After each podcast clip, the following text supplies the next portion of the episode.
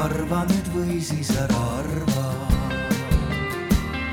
algab Paide keskväljakul uus arutelu Arvamusfestivalil täna, neljateistkümnendal augustil kell neli. tere tulemast kuulama arutelu teemal keskkonnapsühholoogia roll ruumiloomes.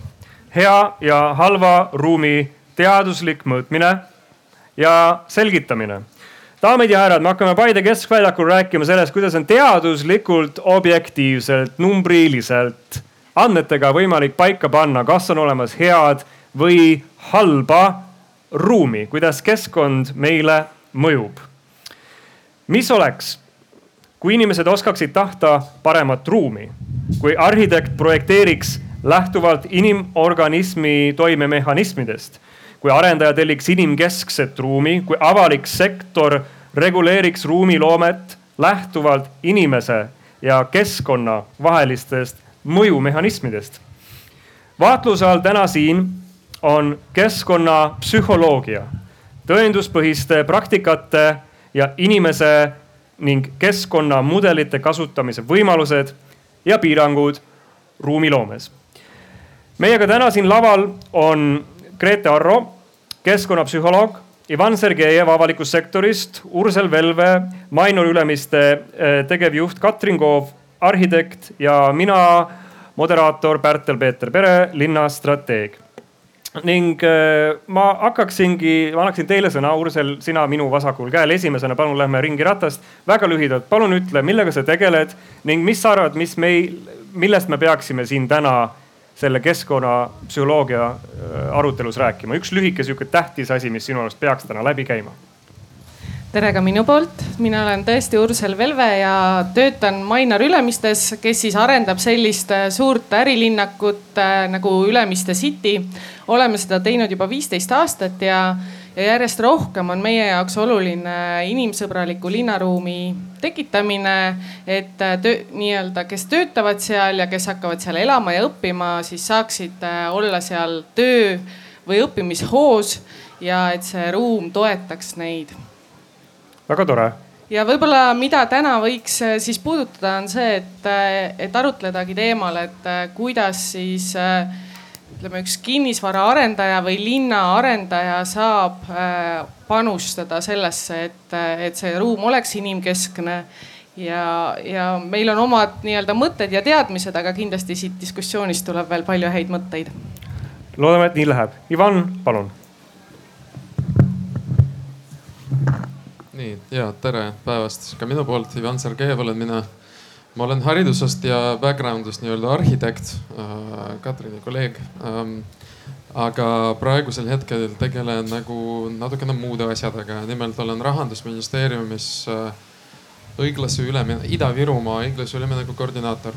ehk et pigem selline nii-öelda, kuidas öelda äh,, regionaalne areng ja noh, sedamoodi teemad on praegu käsil ja millest me võiksime rääkida, ma ei tea, et esialgu tahaks tegelikult selle keskkonnapsühholoogia nagu mõistet selgemaks saada. et, et mis, sest et tegelikult me teame, et see mõiste on väga laialt tõlgendatav ja kui me hakkame nii-öelda väga laia tõlgendusega peale siin nagu rääkima, onju siis ma arvan, et meil kindlasti tunnist ei piisa ega pooleteist tunnist, et me võiksime nagu korra nagu kuidagi ära raamistada seda nii-öelda vestlust, et millest me siis nagu räägime, kui me räägime keskkonnapsühholoogiast nii, hoidke mikrofonid enda käest, need on teie isiklikud mikrofonid järgmiseks äh, tunniks, pooleteiseks. Äh, Grete, palun. Äh, ja ähm, keskkonnapsühholoogia, ma võin sulle aidata ulatada sõbraliku definitsiooni käe. et äh, selle all siis mõistetakse seda, kuidas keskkond ja inimene interakteeruvad, et mitte sageli öeldakse, et äh, kuidas keskkond mõjutab inimest või inimene mõjutab keskkonda, tegelikult on seal vastastikune sihuke interaktsioon. et iga asi, mida keskkond meiega teeb, muudab meid, ehk me oleme aktiivsed need äh, reageerijad et, et eks seal on pigem interaktsioonid ja mitte ühesuunalised mõjud ja ta on äh, oluline, tal on nagu kaks fookust, et üks on see, et äh, kuidas teha sellist head linnaruumi nagu Ursel teeb. ja teine on see, et äh, kuidas seda ruumi, mis meid kõiki elus hoiab, mitte ära lõhkuda. ehk siis, et kuidas inimkäitumist mõista selles valguses, et meid alal, meid, meid alal hoidvad ökosüsteemid ja, ja geosfäär ehk siis kliimasüsteem, et kuidas meie ise saaksime neid siis mitte ära lõhkuda. Ja mm -hmm. ma arvan, et need mõlemad fookused tulevad täna läbi. väga tore, Katrin, palun. tervist, mina olen siis Katrin Koo, arhitekt nagu tutvustati, aga ma võib-olla tooks teise olulise rolli äh, ka välja, et ma olen õppejõud ja õpetaja ja ma olen siin, esinengi siin täna arhitektuurikooli särgiga, sest ma olen ka seal õpetaja ja ja aitan ka neid ähm, uusi suundi seal ähm, sättida ja, ja tõugata, et kuidas ruumiharidus jõuaks nagu laiema publikuni, et sellest saaks lõpuks äh, iga inimese loomulik äh, teadmine. Äh, ma tahaksin ka alustada kuidagi nagu sellest definitsioonist nagu, nagu Ivan välja pakkus, sellepärast et mina avastasin enda jaoks keskkonnapsühholoogia märksõnana, teemana kuskil aastakese tagasi ja, ja, ja mind paelus see, kui ma lugesin, et Milano disainimessil mõned aastad tagasi Google tegi koos äh, disainifirmaga Muto sellise noh installatsiooni või äh, tegi kolm ruumi, siseruumi, mis olid erinevalt valgustatud. üks oli nagu kujundatud siis selle sisekujundusfirmaga nagu elutuba, pehmed soojad toonid, roosa mahevalgus. siis oli üks rangem tuba, kontoriruum ja siis oli miski kolmas veel ja siis Google'i osa selles oli see, et nad mõõtsid inimest äh, siis, nad mõõtsid pulssi. kuidas need ruumid mõjuvad, kas nad mõjuvad rahustavalt, mõjusid, kas need mõjusid kuidagi mitte nüüd alarmeerivalt, aga erksavaks äh, tegevalt, äh, näiteks see kontoriruum, jah, inimesed olid kuidagi tähelepanelikumad. et siis leiti nii-öelda teaduslik tõestus sellele, et jah, ruum mõjutab meid, see ruum, mis meie ümber on ja siis see läks nagu minu jaoks samasse nagu lahtrisse nende uuringutega, mida, mida paljud siin võivad olla lugenud äh, siin ja seal, kuidas äh,, kuidas rohealad mõjutavad meie tervist kosutavalt, kuidas haiglaid äh, on planeeritud ja saaks planeerida niimoodi, et, äh, et seal oleks loodust palju, et loodus paistaks aknast sisse, sest see mõjub inimesele tervendavalt on uuringud, kuidas äh, inimesele mõjub positiivselt, tema tervisele mõõdetavalt mõjub positiivselt see, kui ta on vee läheduses, kui ta puutub veega palju kokku. et säärased asjad on olnud vähemasti minu jaoks avastused, oh, ruum on olemas võimalus teaduslikult läheneda sellele, et mis asi on eh, hea, hea ruum kas, kas teie võiksite öelda, alustame Grete sinust, sina oled keskkonnapsühholoog. kas ma olen siin nagu õigel, kui me nüüd populaarteaduslikult sellele asjale läheneme, kas need nagu näited ja oskad sa tuua veel näiteid, ilmestavad nüüd seda, mis on siis selle ruumi ja inimese teaduslik vahekord? ja need on väga head näited, sa minu arust äh, rääkisid äh, põhijutu ära, võiks nüüd laiali minna. aga, aga ei, et tegelikult ja, et ja sa tegelikult ise kirjeldasid interaktsiooni, nimetasid seda mõjuks ehk siis, et midagi tehti ruumiga ja inimene ise hakkas tegelikult muutuma ja tegelikult läbi selle sageli me, ta muudab seda ruumi vastu, hakkab uuesti sinna midagi vastu andma või, või kasvõi põgeneb ja seega ka muudab seda ruumi. et, et ja, et, et siin Äh, see ja, ja miks see on oluline, et võiks jah, et loomulikult äh, igasugused asjad mõjutavad meid, muuhulgas ruum ka aga et, et miks sellest rääkida, on tegelikult minu jaoks kõige olulisem fookus näiteks äh, see, et äh, see ruum mõjutab võib-olla mingis mõttes hästi olulisi protsesse. üks on see pulss, loomulikult pikaajaliselt äh, olles kõrge pulsiga ei ole tervislik. aga me teame ka seda, et ruumiga me saame manipuleerida seda, kui head mõtlejad me oleme või mõnes mõttes isegi, et kui head inimesed me oleme. võib-olla ma toon siis ühe hästi lühikese näite mõnusast uuringust, mis on hästi mõnus, aga ta pole ainuke selline, et teised on seda nagu korranud et kus inimesi eksponeeriti küll video vahendusel eri tüüpi keskkondadele, üks oli siis looduskeskkond ja teine oli linnakeskkond ja mõlemad olid ilusad, esteetilised, et linn ei olnud kuidagi kole ja, ja loodus, noh mõlemad siuksed esteetilised äh, filmid. Äh, ja siis pärast seda äh, ja siis mõõdeti ära neil palju muid parameetreid ka, mis võiksid olla kuidagi järgneva selle võrdluse mõttes olulised ja siis pandi neid mängima sellist mängu nagu ühisomandi dilemmamäng või ühisomandi tragöödiamäng. ehk siis, kus on võimalik äh, kus iga mängija justkui peab oma tulu suurendama, aga et niipea kui ta hammustab läbi, et kui ta tulu suurendab viisil, et ta suurendab ka teiste tulu, siis nad elavad õnnelikult igavesti, siis neid ressursse mitte ära kurnates ja kui nad äh, arvavad, et nad peavad nagu ainult enda tulu suurendama lühiajaliselt, siis nad surevad kohe piinarikkalt kõik, kõik ära hästi ruttu. ja siis huvitaval kombel, et, et midagi juhtus siis nendega, kes nägid looduskeskkonda, et need uuri, uuritavad grupid olid võimelised siis mängima seda lõputult ehk siis midagi muutus nende mõtlemises. ehk siis, et nad suutsid nagu eh, eh, tagasi hoida oma äh, impulsiivset krabamistungi või siis sellist system üks thinking või kuidas seda nagu öeldakse, oli nüüd küll imelik lause minu poolt. ehk siis sellist kiiret ja, ja pinnalist ja, ja lühiajalise kasu versus pikaajalise kahju tüüpi mõtlemist. see siis iseloomustas neid, kes olid nii-öelda eksponeeritud linnale. vaat kui põnev, et siukseid asju on võimalik uurida sa vist viitasid siinkohal see kiire ja aeglane ja, mõtlemine, kuidas me, kuidas me mõtteid, ma ei tea, häälestame või prime ime inglise keeles. ja, ja tegelikult ja kuidas see siis mõjutab meie otsuseid, et otsus võib olla lühiajaliselt hästi kasulik, tunduda mõistlik, aga pikas perspektiivis hävitav.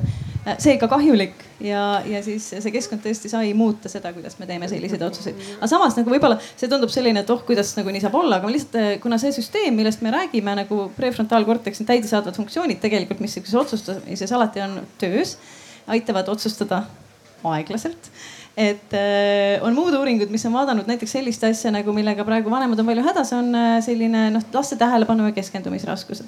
ja siis longitud uuringud, mis siis vaatavad äh, nende probleemidega lapsi siis, kui nad vahetavad elukohta, et kui nad kolivad nagu looduslikumasse piirkonda.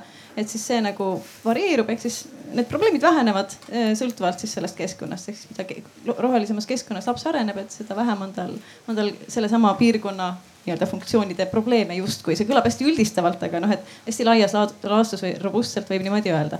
ehk siis samamoodi jälle tähelepanu, keskendumine, kõik see, millel põhinevad head otsused väga-väga huvitav. Äh, nii, palun teistel ka, et see on siuksed avaküsimused, kas teil on mingeid näiteid, olgu need teaduslikud või, või muidu, mis äh, jah, teaduse ja ruumi vahekorrast?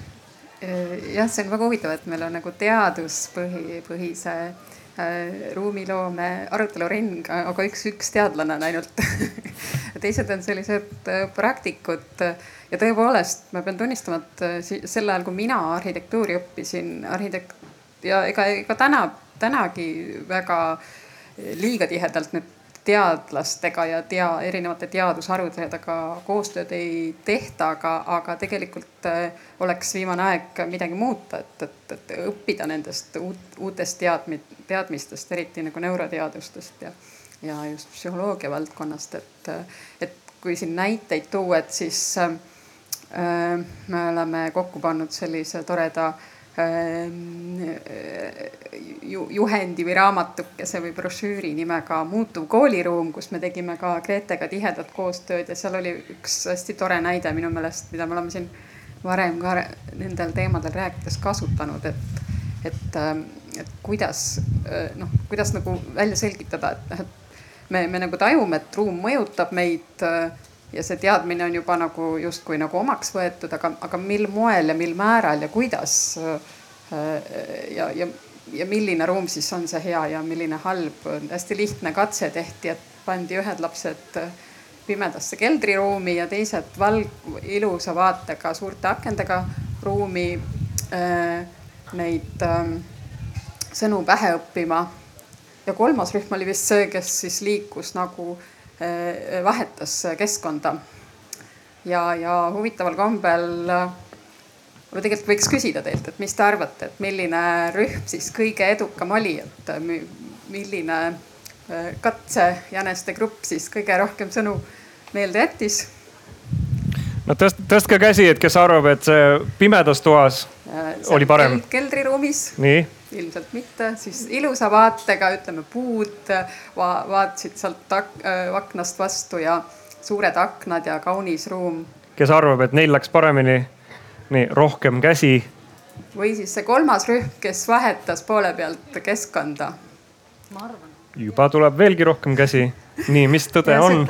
väidetavalt see, mina ise seda katset ei ole teinud, aga, aga, aga see kolmas rühm oli kõige edukam. Ehk et vahelduv ruum on kõige paremini me tead, meie nii-öelda õppimisvõimete teadmisi toetav. Ehk et kõige ähm, see aitab mälu, jah just väga, sellel on mälu, mälupõhine seletus. Jah, tõesti väga õige, ma pole kunagi seda ruumi vaatesse pannud, seda teadmist, aitäh sulle. nii palun. ja, et äh, kui ma võin äh, täiendada, siis tegelikult äh, meie Ülemiste City's teeme teadlastega väga tihedalt koostööd, et, et me oleme siin teinud erinevaid projekte, mis on küll lühiajalised, lühiajalisemad ja pikaajalisemad, et kui tuua selle lühiajalisema ja käegakatsutavamate nii-öelda tulemuste ja tegevuste näide, siis me Tartu Ülikooliga koostöös tegime siis Ülemiste terviseuuringu ja tervisemudeli lõime, kus me siis analüüsisime, kuidas füüsiline keskkond, ettevõte kui keskkond ja inimene ise mõjutavad siis äh, inimeste füüsilist, vaimset ja sotsiaalset tervist ja, ja tänu sellele uuringule, mis me nüüd tegime ja mudelile, mis me lõime, me soovime nüüd hakata tegema interaktsioone või, või avada mõjutusaknaid äh, ja, ja teha tegevusi siis äh, keskkonnaarenduses ja, ja anda soovitusi ka ettevõtetele, sest ettevõtted kui teatud mõttes ruumi loojad koos meiega saavad ka oma, oma inimesi mõjutada ja, ja tegelikult ütleme see mõjutus ei ole ainult siis äh, ju füüsiline, vaid see on ka vaimne. et kuidas su juht sinuga suhestub, kuidas ta sinuga suhtleb ja, ja sellest tekibki see nii-öelda inimese ju terviklikkus. ja mida lisaks siis me saame veel nii-öelda füüsilise keskkonnana teha, on see, et, äh, et me saame siis äh, tuua keskkonnas välja mingeid tegevusi või, või keskkondlikku mitmekesisust, et, et inimene oleks kutsutud liikuma, et ta, et tal tekiksid interaktsioonid teiste inimestega, et, et paraneks see sotsiaalne tervis, et ma arvan, et, et siin äh, nii-öelda pandeemia valguses see sotsiaalne tervis on inimestel ka ääretult äh, oluline ja, ja see mõjutab ka kaudset tervist, aga Grete oskab siin kindlasti täiendada mind ja kommenteerida. Nii väga-väga praktiline käegakatsutav asi, selle juurde tahaks isegi tagasi tulla, et selle, et, et, et, et te seal seda füüsilist keskkonda niimoodi äh, kasutusele võtate nii-öelda. Ivan, on sinul siukseid näiteid äh, oma, sina oled ka Narvas linna arhitekt, et äh, kokku puutunud ruumiga küll ja veel. kas sulle ka meenub mõni siukse, kas olgu ta nüüd uuring või näide, kuidas keskkond, ruum meie ümber meid mõjutab? ma arvan, et me vist Narvas eraldi uuringuid minu ajal, siis kui mina seal arhitektina töötasin, siis me neid väga ei teinud. ma tean, et just pärast seda, kui ma lahkusin, tehti noorte seas sellist nii-öelda inim, kuidas öelda siis sellist äh, ähm, antropoloogilist. nagu mingisugust sellist jah, et just keskkonnapsühholoogilist uuringut nii-öelda mm -hmm. ja siis sealt äh, üritati siis sellest tuletada, et missugune ruum äh, või kuhu suunas peaks Narva nii-öelda ruumiliselt arenema, on ju, et mhm. sobiks noortele, sest me kõik teame ju, et äh, Ida-Virumaal on üks suuremaid probleeme äh, rahva nagu vähenemine või rahvastiku vähenemine, elanikkonna vähenemine. ja üks põhjustest sellele on äh, noh, demograafia ise on ju, inimesed vananevad, meil on vananev ühiskond, aga teine on see, et noored lahkuvad lihtsalt järjest. nii et kuidas teha niiviisi, et kuidas me siis äh, noorte proof ime linnu, on ju, et, kuidas nagu teha nii, et see oleks neile sobiv Äh, tuli igasuguseid huvitavaid asju, aga tegelikult no eks need tõded on samad, on ju, et äh, vaheldusrikas ruum, rohkem rohelist, äh, rohkem sellist nii-öelda activity't on ju ja, ja, ja võimalust ise seda ruumi manipuleerida. et, et see oli nagu ka oluline asi, et see ruum ei ole lihtsalt midagi, mida et, nagu, nagu ära puuduta seda maja, on ju, et no ei tohi grafiiti teha, et noh halb. et noh, et, et sellest nagu ära, emali liikuda, et ja see selles mõttes me olemegi noh, siis kui ma peaarhitekt olin Narvas, siis üks esimesi suuremaid selliseid moraale, mis linna tekkisid, oli tegelikult tellitud linna poolt. Et näidata inimestele, et hei, it's okay, nagu kui te teete kunsti, kus on päriselt väärtuslik uh,, siis nagu tehke aga onju, et, et see ei ole mingi selline kriminaal, kriminaaltegu, et, et te oma linna kaunistate onju, et see on teie linn, nagu lööge kaasa selle arenduses nagu otseselt nii et selles mõttes jah, prakt-, jällegi praktikuna nagu võib-olla nagu paar sellist tähelepanekut. oota, see on väga huvitav asi, ma ei olegi sellest kuulnud, kas te andsite seal nagu, kuivõrd vaba voli või kuidas te seda, panite no, mingi programmi, et ei, siin on oli, seina, kuhu võib joonistada? see oli konkreetne üks programm, et vaata siis, kui Eesti sai, sai aastaseks onju, siis oli üks selline tore programm nagu Mextonia, kus äh, jah, tehti muraale üle Eesti kahjuks aga selgus see, et tehti muraale üle Tallinna, mitte üle Eesti mm.. ja siis me kirjutasime, noh, mina isiklikult kirjutasin äh, korraldajatele, et kuulge, te vist nagu Eestile teete kingitust, mitte Tallinnale. et tehke siis nagu Narva ka mõni, onju. ja siis meile toodigi ühest Mehhiko kunstnikku ja ta noh, leidsime talle parajalt suurt äh, pinda ja, ja siis ta tegi ja rahvas seda väga hästi nagu vastu ei võtnud ausalt öeldes, sest see temperament ja ja see nagu väljendus vist oli natukene liiga selline soe äh, kohalike jaoks. aga, aga mis oli nagu huvitav, oli see, et kohe pärast seda tekkis nagu mitu kunstnikku Narvas, kes nagu hakkasid ise tegema et ühesõnaga see eesmärk ei olnud tegelikult mingi super beautiful äh, sellise nii-öelda kunstiteose nagu tegemine, see ei olnud mm -hmm. eesmärk. eesmärk oli see, et näed, saab teha ja saab teha halvasti ja te võitegi meile mm, -hmm. noh, te võitegi mitte nõustuda selle disainiga, see on okei okay,, tehke paremini, onju et see mm, jah, nii et see nagu juhtus niiviisi. see kõlabki nagu pigem jah, just nagu, et see on edu, edukas, et andsite inimestele kus, justkui sõnavara, et näete, siin on ruum, ruumiga saab niimoodi ümber käia, andke, andke minna. ja jällegi vaata see noh, kui me räägime linnaarendusest ja kogu sellest keskkonnapsühholoogiast ja ruumi muutmisest, siis on kallimaid viise seda ruumi muuta ja siis on odavamaid viise seda ruumi muuta. ja ma ütleks, et see tänavakunst on üks odavamaid viise seda ruumi muuta ja väga nii-öelda kohe arusaadavalt ja kasvatades muuseas ka nii-öelda sellist äh, demokraatlikku mõtteviisi. sest et võib ju investeerida miljoneid äh, uute hoonetesse, aga mõnikord seda ei ole lihtsalt vaja tegelikult mm. -hmm. et äh, mõnikord ürituste korraldamine või nagu selliste väiksemate sekkumiste korraldamine on palju efektiivsem ma tahaksin korraks avardada seda arutelu, enne kui me, enne kui me edasi läheme, et, et see nagu, see nagu kaart on võib-olla nüüd paika pandud, et, et ruum nii-öelda kinnine siseruum, äh, valgusküllane vaade loodusele, loodusesse minna, et see nagu saab meid mõjutada ja mõjutada hästi. aga kui me räägime psühholoogiast, me räägime ju inimesest. Äh, et see on inimesest lähtuv perspektiiv ja kui me vaatame nüüd linna planeerimist, siis äh, inimkesksest linnast räägitakse viimastel aegadel palju meenub Jan Geel ja tema siis ingliskeelne äh, Cities for people liikumine ehk linnad, linnad inimestele, et, et linnu tuleb inimese keskselt äh, tema vajadustest lähtuvalt teha. et kas te võiksite korraks avada seda teemat, Katrin, sina oled arhitekt, et mida, mida tähendab inimkeskne linna planeerimine või inimkeskne linn?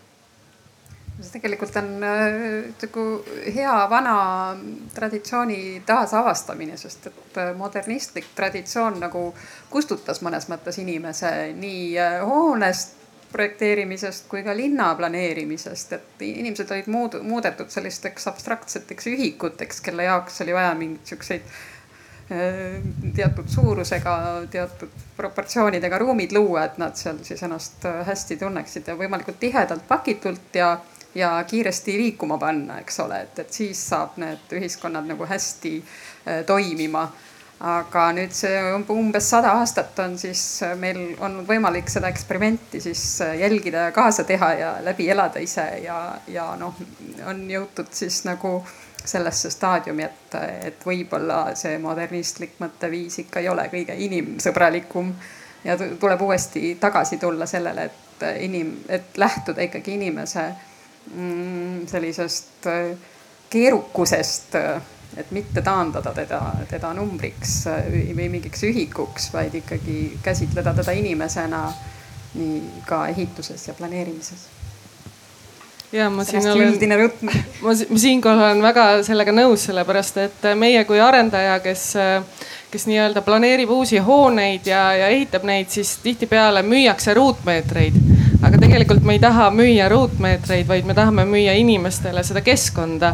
ehk siis kuidas ka nii-öelda müügiprotsessis sa ei osta korterit mitte ruutmeetritega, vaid sa ostad endale selle keskkonna et, et see on väga põnev ja, ja tegelikult ütleme, see, see on väga primitiivne, aga, aga see on sihuke koht, kus ka sa ei võta inimest kui nukukest või nupukest, vaid, vaid sa võtad inimest kui, kui päris inimest, et tahab keegi vahele midagi öelda? ma tahan lihtsalt kommenteerida, et need olid väga ilusad mõtted ja ma tahtsin nagu võtta kokku, et, et äkki on nii, et millal iganes me äh, mingi muu teadusharu üritab mõjutada süsteemi, mida ta ise ei tunne, noh näiteks seda, kuidas meie psüühika toimib, siis ta on ikkagi määratud läbi kukkuma.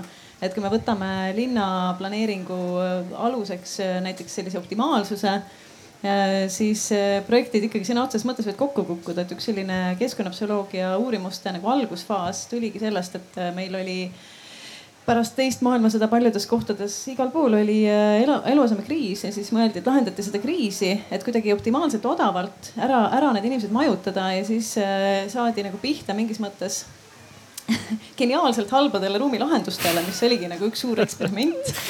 Ja kuidas siis nagu sotsiaalne elu tegelikult kukkus kokku.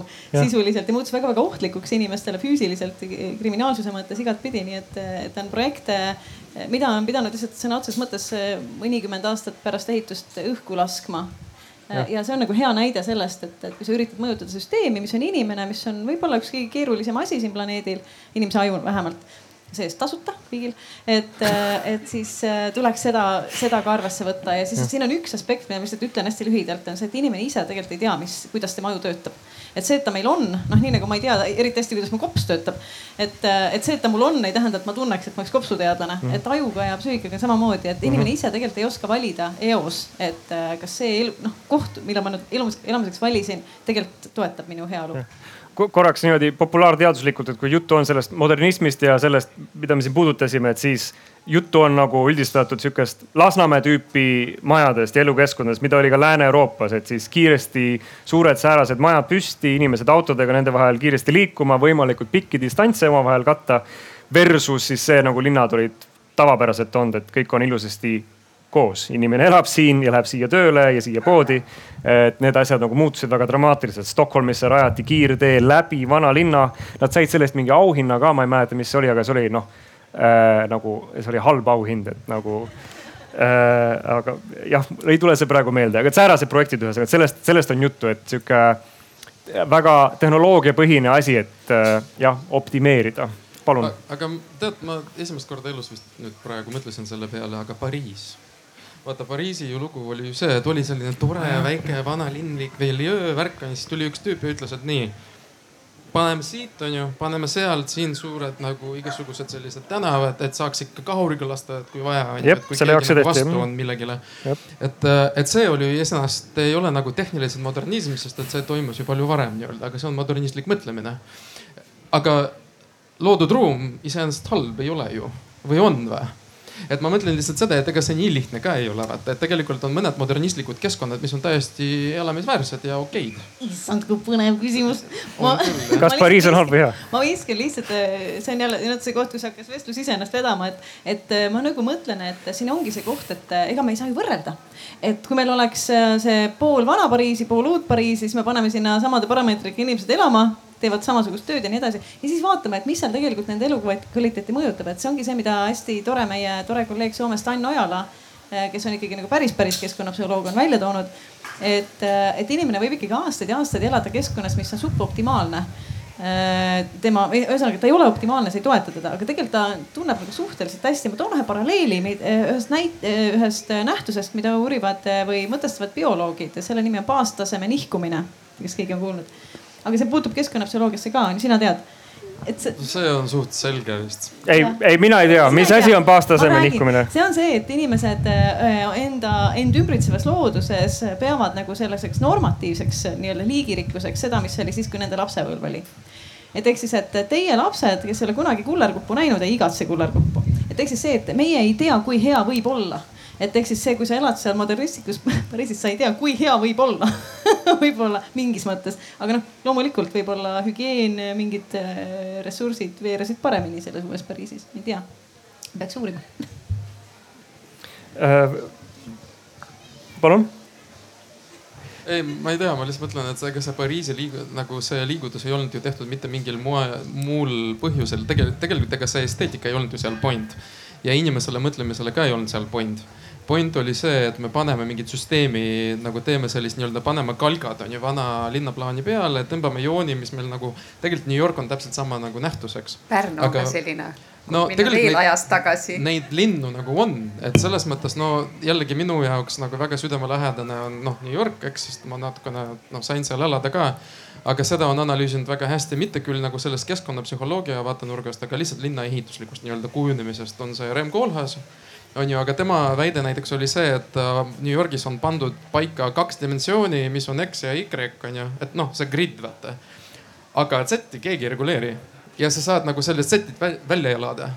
Et siit nüüd me läheme nagu täitsa sellise arhitektuurimaailma, et kas äkki nagu on tegelikult ja see on nagu üks asi, mis mind alati on huvitanud. Ja see Broadway näiteks, mis on totaalne viga kogu selles vaat nagu kogu selles süsteemis on ju, ta, ta loob just täpselt neid väikseid, noh, kõik need pargid plaasad, kõik tegelikult tekkisid sinna nii-öelda selle väga range griidi ja väga in, nagu inimliku sellise muistse mingi, ma ei tea, inimeste, mis ta oli, see Broadway, see oli originaalselt mingisugune tee, onju, mida kasutasid kohalikud elanikud nii-öelda, siis kui tuldi sinna esimest korda vanast maailmast, et ühesõnaga nende nagu süsteemide lõikumine iseenesest see ruum, mis lõpuks sellest nagu sünnib, jällegi ei ole, ta on modernistlik oma kontseptist onju aga kuidas viia sisse sinna selle modernismi piisavas arvus vigu, et ta inimlikuks läheks? et ma arvan, et tegelikult see viga on megainimlik asi mm. -hmm. aga vigade disainimine, ma arvan, et on nagu meie eriala üks nagu selliseid põhilisi asju võib-olla, kus me disainime neid aspekte, mis tegelikult don't make sense või nagu on kuidagi erilised või teistmoodi ja siis nemad ongi need, mis loovad nii-öelda noh, annavad nendele hoonetele mingit nagu attitude'i. mingit elu, disainid, veadisainid, elu. just mul lihtsalt nii põnev nagu paralleel tekkis üks uuring, mis kunagi tehti, kus uuriti fraktale fra,, fraktaalseid mustreid, mis siis äh, loodus loob neid ju ka onju. ja siis äh, neid saab arvutiga ka luua. Äh, ja siis võrreldi siis kahte gruppi inimesi, kes neid vaatasid ja looduslikud sellised fraktaalsed pildid on alati veaga, on alati ebatäiuslikud. Ja kummad siis tekitavad inimese su suurema heaolu? Noh, me teame, onju, et mitte arvutiga loodud, ehk siis see veaga, et kuidagi, et seda mõnusam vaadata, sellel on üks hüpotees ka taga, et, et hüpotees on see, et me oleme ikkagi evo, evolutsioneerunud looduskeskkonnas, mis on meile nagu rahustavam seetõttu, et see on turvalisem, see on see, millega me oleme rohkem Mhm. Miljoneid aastaid harjunud linn on hästi-hästi uus evolutsiooniliselt nähtus yeah., meie ajule ääretult uus nähtus, et ja, ja see oma täiuses on ju, ilmselt ongi kuidagi ohtlik ja ebanormaalne, et meile -hmm. meeldib ka vaadata, ka täna veel meeldib meile neid fraktaalseid, vigadega fraktaalseid pilte rohkem no,. see on nagu see väljend, et jumal otsast või kuidas sirgete joontega ei joonista, eks. et äh, mingi selline väljend oli, et, et kui sa näed, et kaks või kolm kivi on üksteise peale pandud kuskil metsas, sa tead, et inimene on siin olnud, onju et need asjad võivad nagu väga basic olla mm, -hmm. väga huvitavad jah aga kuskilt mul ka tuleb praegu mingi hiljutine loetu ka meelde, et, et sellepärast loodus inimesele istub rohkem, et seal on see fraktaalsus sees. see, see korrapärasus, aga, aga jah, mis väljendub fraktaalsuses versus see, et meil on linnas rangus ja, ja, ja siledad pinnad ja muu säärane. aga me läksime nüüd sinna modernismi ja, ja, ja, ja, ja minevikku. mina hoopis tahtsin küsida teilt just nagu tänapäeva inimkeskselt seda linna. aga nüüd väga hea, et nüüd me maalisime selle nagu selle mineviku pildi, et sealt me tuleme ja nüüd on jõudnud nagu otsapidi sellesse, et, et tuleb tagasi minna inimeste vajaduste juurde, et kuidas inimene saab ennast tänaval tunda hästi turvaliselt, elavalt, et et, et elu linnas ei tähenda seda, et sa oled oma kodus kuskil kapslis, sa istud kuhugi kapslisse ja sa sõidad kuhugi teise kapslisse tööle ja nii edasi, et elu on, et linn on, linn on inimesed ja nende suhtlus ja vajadused ja läbikäimised ja jalutamised ja kõik muu säärane. Äh, kuidas, kuidas teadust uskuda ja kasutada, kui me tuleme nüüd selle tänapäevase linna planeerimise juurde, kuhu linnad siis lähevad rohkem selle inimkesksuse juurde Pariisi tehakse ümber rohelisemaks, äh, tõmmatakse autod siit äh, natukene koomale, kes saavad seal sõita, aga et inimestele antakse rohkem voli seal rattaga sõita. kõik, kõik see säärane. kuidas me saaksime nüüd keskkonnapsühholoogiat, neid teadmisi, mis meil on ja tuleb juurde. kuidas me saaksime seda äh, rakendada ruumi, ruumi loomisel, kuidas saab seda avalik sektor kasutada mida Grete näed sina ja kuidas Ülemiste siis seda kasutab, et kuidas saaks keskkonnapsühholoogiat kasutada tänapäeval nende teadmiste juures ära, mis meil on? kusjuures ma arvan, et see on väga tore küsimus ja mulle väga meeldib tahe seda teha ja see on natukene ühel teisel laval üles kerkinud teema ka. et äkki selles, selle jaoks, et seda teha, me peaks kõigepealt ümber defineerima, mida me tahame, et mis on eesmärk. et ja kui eesmärk on jah, kuidas seda nüüd ilusasti öelda, kui seal keskmes ongi päriselt see inimene ja me oleme nõus, et see inimese heaolu on esmane ja majanduslik kasu võib kaasa tulla, aga ei pruugi. või et esmane on see, et linn ka ökosüsteemina äh, on, äh, on toimiv ja õilmitsev ja majanduslik kasu võib kaasa tulla, aga ei pruugi. et, et siis juba saaks neid küsimusi päriselt vastata, sest tegelikult Ülemiste võib olla nagu saareke, kes teeb asju õigesti, aga kui me vaatame üldiselt linnu ja seda, mis linnades toimub, siis see on sõnades, äh, järgib, ma ei tea, Euroopa rohelepet äh, ja, ja mõtet, et meil on vaja igat äh, nii-öelda sellist rohe, rohelist organismi linnas säilitada et, et samal ajal, kui me räägime, tegelikult arendused tulevad peale ja, ja ikkagi ütlevad, et see inimese heaolu, kes juba seal linnas elab, ei ole nii oluline kui see, et me tihendaks teatud piirini. ma tahaks tuua ta,, tahate, ma toon veel ühe uuringu näite? ja palun, palun. see on üks uuring, mis tehti ja see on väga noh, Max Plancki instituut on ju nagu ikka kõva, on ju uurimisasutus, nemad uurisid Berliini Berliini residente kolme eri gruppi, kes siis osad elasid siis ja, ja nende kaugust rohealadest ja rohealad olid siis erinevad, varieerusid parkidest, me teame, Berliinis on suured pargid.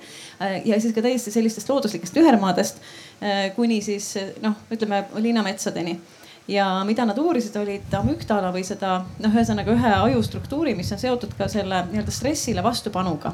selle nii-öelda võimekust panna stressile vastu justkui mingit sellist bioloogilist markerit ja nad leidsid ilusa seose, et mida lähemal või mida, mida metsikusele lähemal inimene elas, seda parem oli tema vastupanuvõime stressile. et linn on ülerikastatud keskkond, et me tegelikult, inimene tahab vastandlikke asju. ühelt poolt ta tahab kontakti teistega, mõtestatud kontakti, ta tahab elamusi ja kogemusi, aga linn pakub ka kogemusi, mida me ei taha ja ta pakub kontakte, mida me ei ole valinud, bussis näiteks. või trügides kusagil kitsal, kitsal ooteplatvormil, et, et need on kontaktid, mida me ei taha ja need on need, mis tegelikult eh, kogu aeg noh, ütleme stimuleerivad seda nii-öelda stressiteket ja, ja, ja huvitaval kombel siis see linnaloodus seal eh, nagu oli kaitsev tegur aju mõttes. nii et see on jälle see, et, et, et kui keegi tahaks teha sellist inimkeskset ruumi, siis ta võib-olla vaataks hoolega neid uuringuid ja ütleks, et aga minu jaoks see, et need, kes siin elavad et nende heaolu sõidab üle sellest, et siia võiks teha noh, keegi Merko uue arenduse on ju, sest ta võtab ära nendelt, kes siin juba on selle võimaluse hoida oma alu, aju võimalikult stressikindlana. Mida me tahame, peame küsima seda ja mida me tahame linnadest mingist konkreetsest kohast, jah. Äh, see on, no kahtlemata me peame seda defineerima, et ma arvan, et äh, strateegiad on olemas, vaatame me Tallinna linna Eesti riiki. Tallinnal on kliimakava Tallinn kaks tuhat kolmkümmend viis, kus on minu arust selles dokumendis oli kirjas, et rohealad vähenevad kaks protsenti selleks aastaks.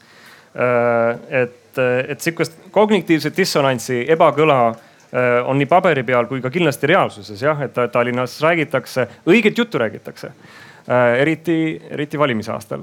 Aga samal ajal rajatakse ainult ja ainult asfaltteid ja ainult autode sõiduks, nii et see läheb totaalsesse vastuollu nagu plane-, äh, nende arengukavade enditega. Äh, ma tegelikult küsikski, et mis on olukord täna ja lähme Tallinnast kaugemale.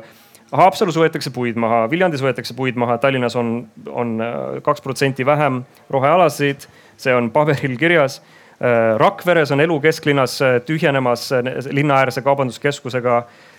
Sama dünaamikat kohtab teisteski linnades ju. Need on siis nagu päris reaalsed käegakatsutavad asjad. kuidas saab nüüd keskkonnapsühholoogia või, või teadus siinkohal appi tulla? Eestis, Eesti linnades nende probleemidega täna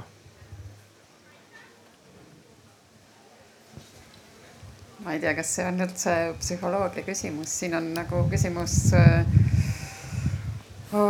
sellistes poliitilistes ja ühiskonnamudeli valikutes, et, et kui me oleme valinud omale sellise tee, et me oleme nagu kõik andnud vabaks turumajandusele, siis, siis me saamegi sellise keskkonna, et, et noh, see on nagu, nagu loodusseadus mõnes mõttes, et kui me tahame midagi muud, siis me peame noh teistmoodi, teisi valikuid tegema, teist, teistmoodi ise kuidagi käituma ja elama. et, noh, me praegu näemegi, me, me peame nüüd nagu tagajärgedega tegelema ja proovima seda elu kesklinnadesse tagasi tuua ja see on selline natuke kunstlik tegevus. tunnistagem, et siingi äh, toob, elu tekib ainult nagu kolmel päeval aastas tänu sellele, et tuleb üle Eesti inimesi kokku siia ja võtab nõuks nagu arutelusid läbi viia, aga, aga tava igapäevaelu siin Paide kesklinnas on see, et, et nad ei saa kuidagi oma juba, juba võistlusega välja valitud äh, uut linnaväljakut ehitama asuda, sest et, et kohalik arutelu on nii teravaks läinud. Ja, ja, ja nagu ongi linn on lõhk, lõhkise küna ees, et et ei taheta sellist kaasaegset elukeskkonda, et kardetakse, et ärid surevad siin välja, et on, ongi meil selline noh, nagu autokeskne ja, ja kaubanduskeskuste usku äh, ühiskond seal välja arenenud. et aga see on meie endi valik olnud. kuigi kümned uuringud näitavad igalt poolt maailmast, suurtest väikestest linnadest, külmadest ja soodest maa, maadest, et äh, kui inimestel on ligipääsetavust juurde poodidele, siis see on see, mis toob kliente.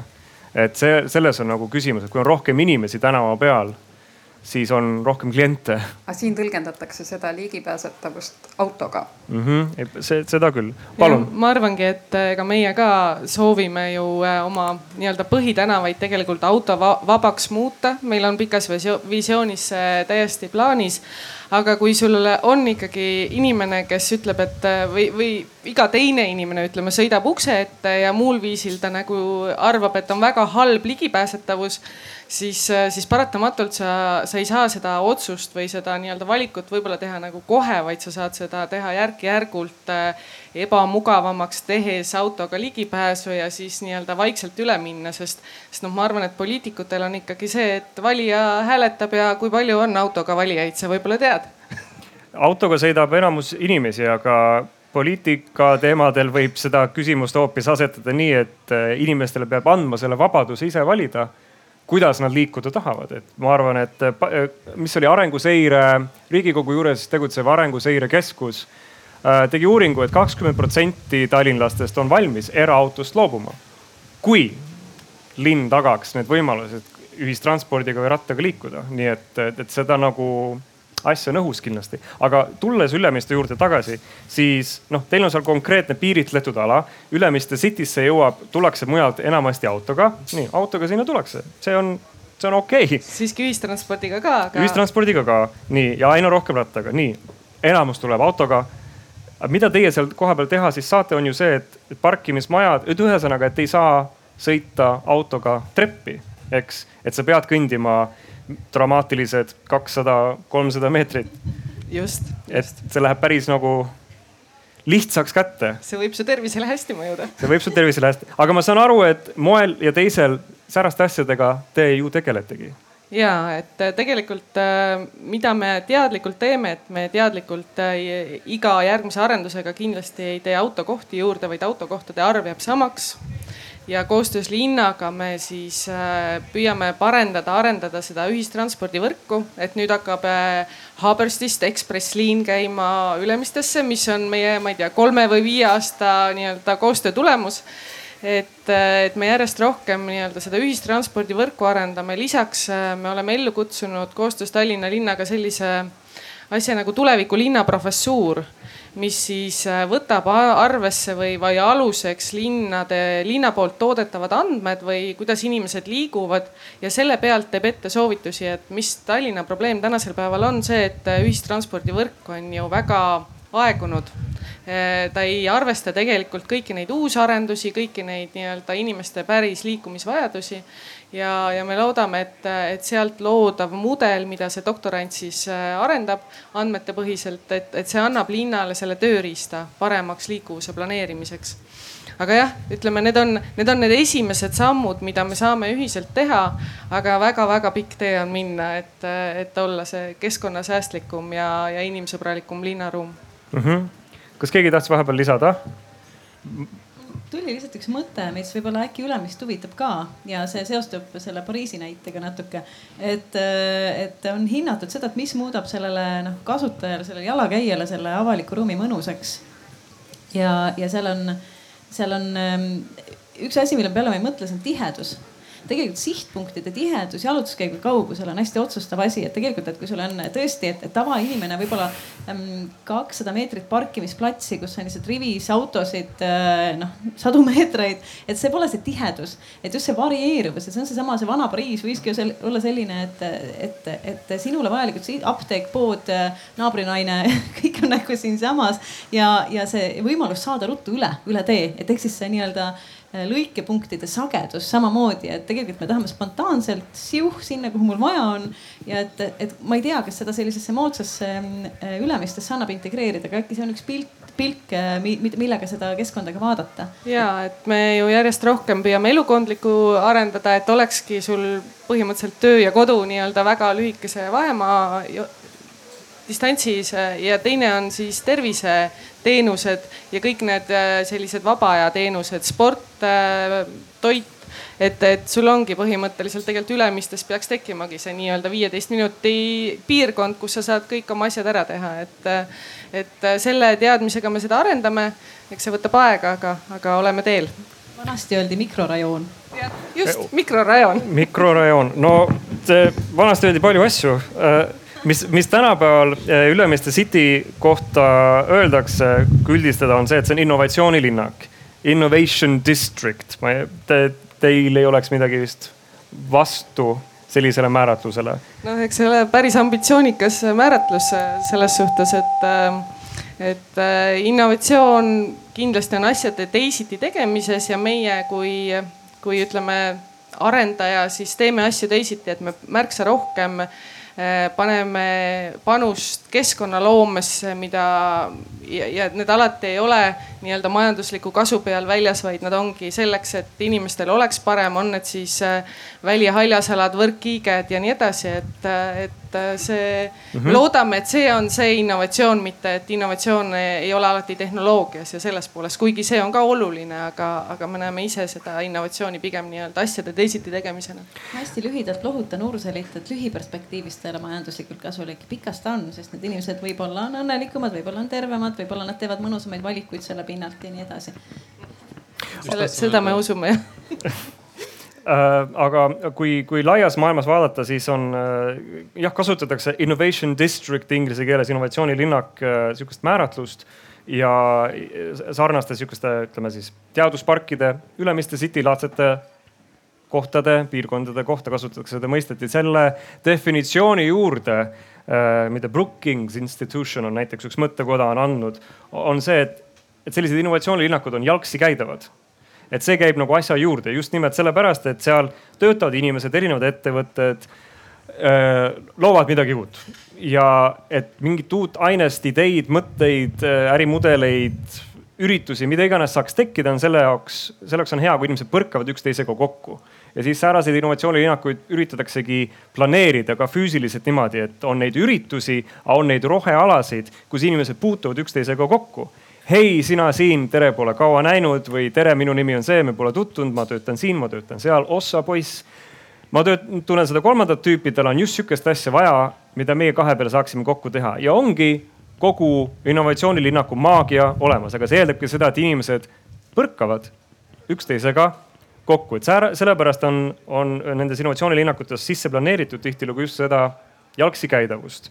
Äh, aga see siis nagu on võimalik laiendada linnale ka, et see, et kui me kohtame teisi inimesi linna peal, juhtumisi võõraid tuttavaid ja vanu äh, sõpru, et see on sotsiaalselt meile hästi mõjuv. muidugi näed vana tuttavat, aga ka näed enda nii-öelda selles äh,, näed vanu professionaalseid tuttavaid äh,, põrkad nendega kokku ja sealt idaneb jälle mingisugune uus äh,, uus mõte äh,. et sellepärast on just inimkesksed linnad ju väga tähtsad ka, et sellepärast on väga hea, et Ülemiste City sihukest asja loob ja sealt minu arust on ka hea see, et seda on võimalik rahas mõõta ja see on hea, et kui erasektor sihukest asja teeb, et seda ei peaks kuidagi, ma arvan, häbenema või kartma või, või pelgama, et, et seda tehakse kasumi nimel. Erasektor tegutseb niimoodi, see on üldiselt võetud tema toimimismehhanism ja loogika. ja on minu arust väga julgustav näha, et sääraseid asju nagu terve elukeskkond, tervislik elukeskkond, kus inimestel on võimalik jalgsi liikuda, muuhulgas et seda saab panna, seda saab kasumis mõõta nii-öelda. et see on selles mõttes tore, et kui, kui linnad saaksid sellega ühte jalga hakata käima, siis, siis muutuks, ma arvan, tervik, terviklikult meie elukeskkond ka paremaks. Aga kui meid ootab ees äh, paradigma muutus, kui me vaatame korraks nüüd veel laiemalt kliimakriisi, siis äh, majanduslik olustik ja kõik peab muutuma, kasumit ilmtingimata samal viisil taga ajada ei saa.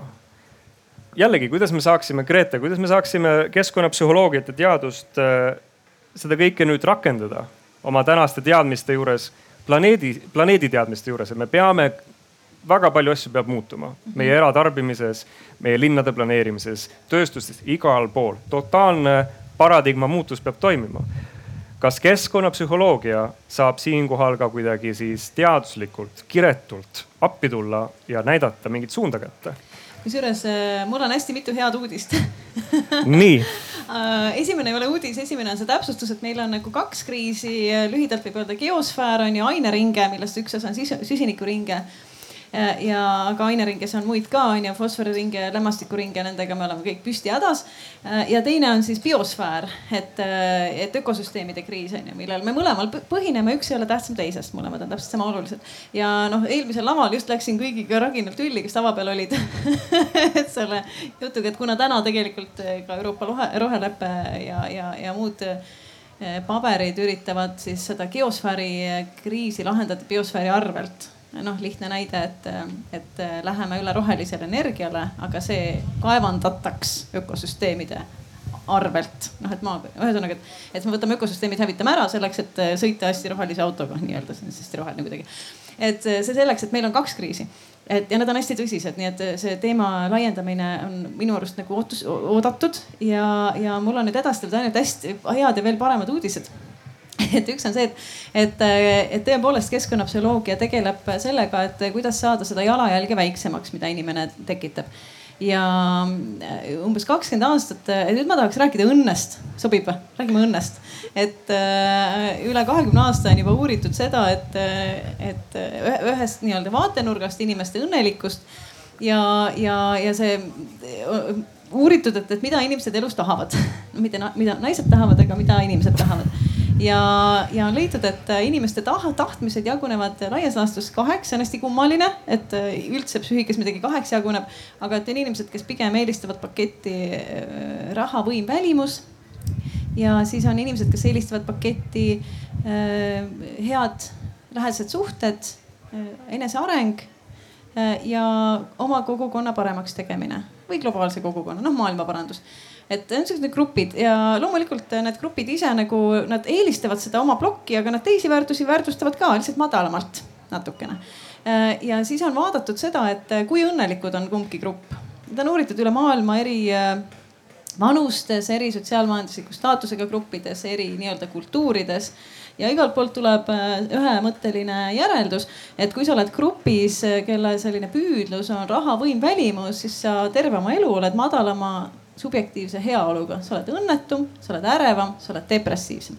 aga samal ajal on sul suurem jalajälg, sest sa kogu aeg üritad noh, et noh, teenid rohkem raha oma lastega veedetud aja arvelt näiteks või oma hobide arvelt, teenid kogu aeg raha, raha, siis ma saan sealt naudingut ja siis ma lähen sinna reisile ja ma peaks nautima, olema õnnelik, kurat, ma ei ole, aga ma ei julge öelda ka kellelegi onju, sest noh, see maksis ju nii palju.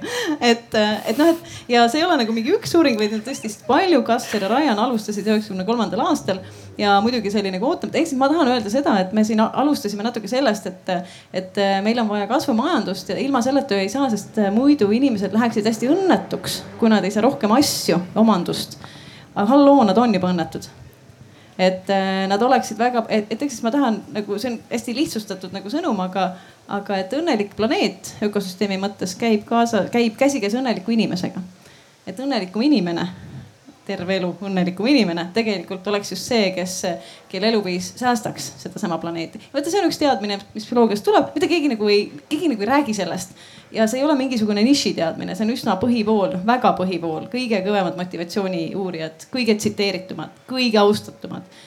Nemad uurivad neid asju, nemad annavad seda sõnumit ähm, kui, kui ma nüüd kirjutasin õigesti üles, ma loodan, et keskkonnapsühholoogia tegeleb jalajälje, süsiniku jala, jalajälje vähendamisega? kogu jah, selle keskkonnamõju, ta tegeleb sellega, et uurida, kuidas inimest nii kaugele saada, et ta hakkaks seda vähendama. et kas me peame teda nügima, kas me peame teda harima, kas me peame tegema kampaaniat, kas me peame ähm, muutma midagi füüsilisest keskkonnast, väga paljude asjadega, aga et üks teema on seal see, et on leitud, et kui meil, kui me vaatame neid elupüüdlusi või noh, et mida inimesed, mis inimesi, et me, me võiksime anda ka lihtsalt sõnumi, sõnumit, et et me tegelikult saame lahti lasta sellisest eh, noh, isikliku elu finantskasvu nagu kirest või püüdlusest ja võib-olla ka ühiskonnana saaksime sellest lahti lasta. et noh, meile tegelikult kogu aeg müüakse seda sõnumit, et sa oled õnnelikum siis, kui sul on rohkem omandust.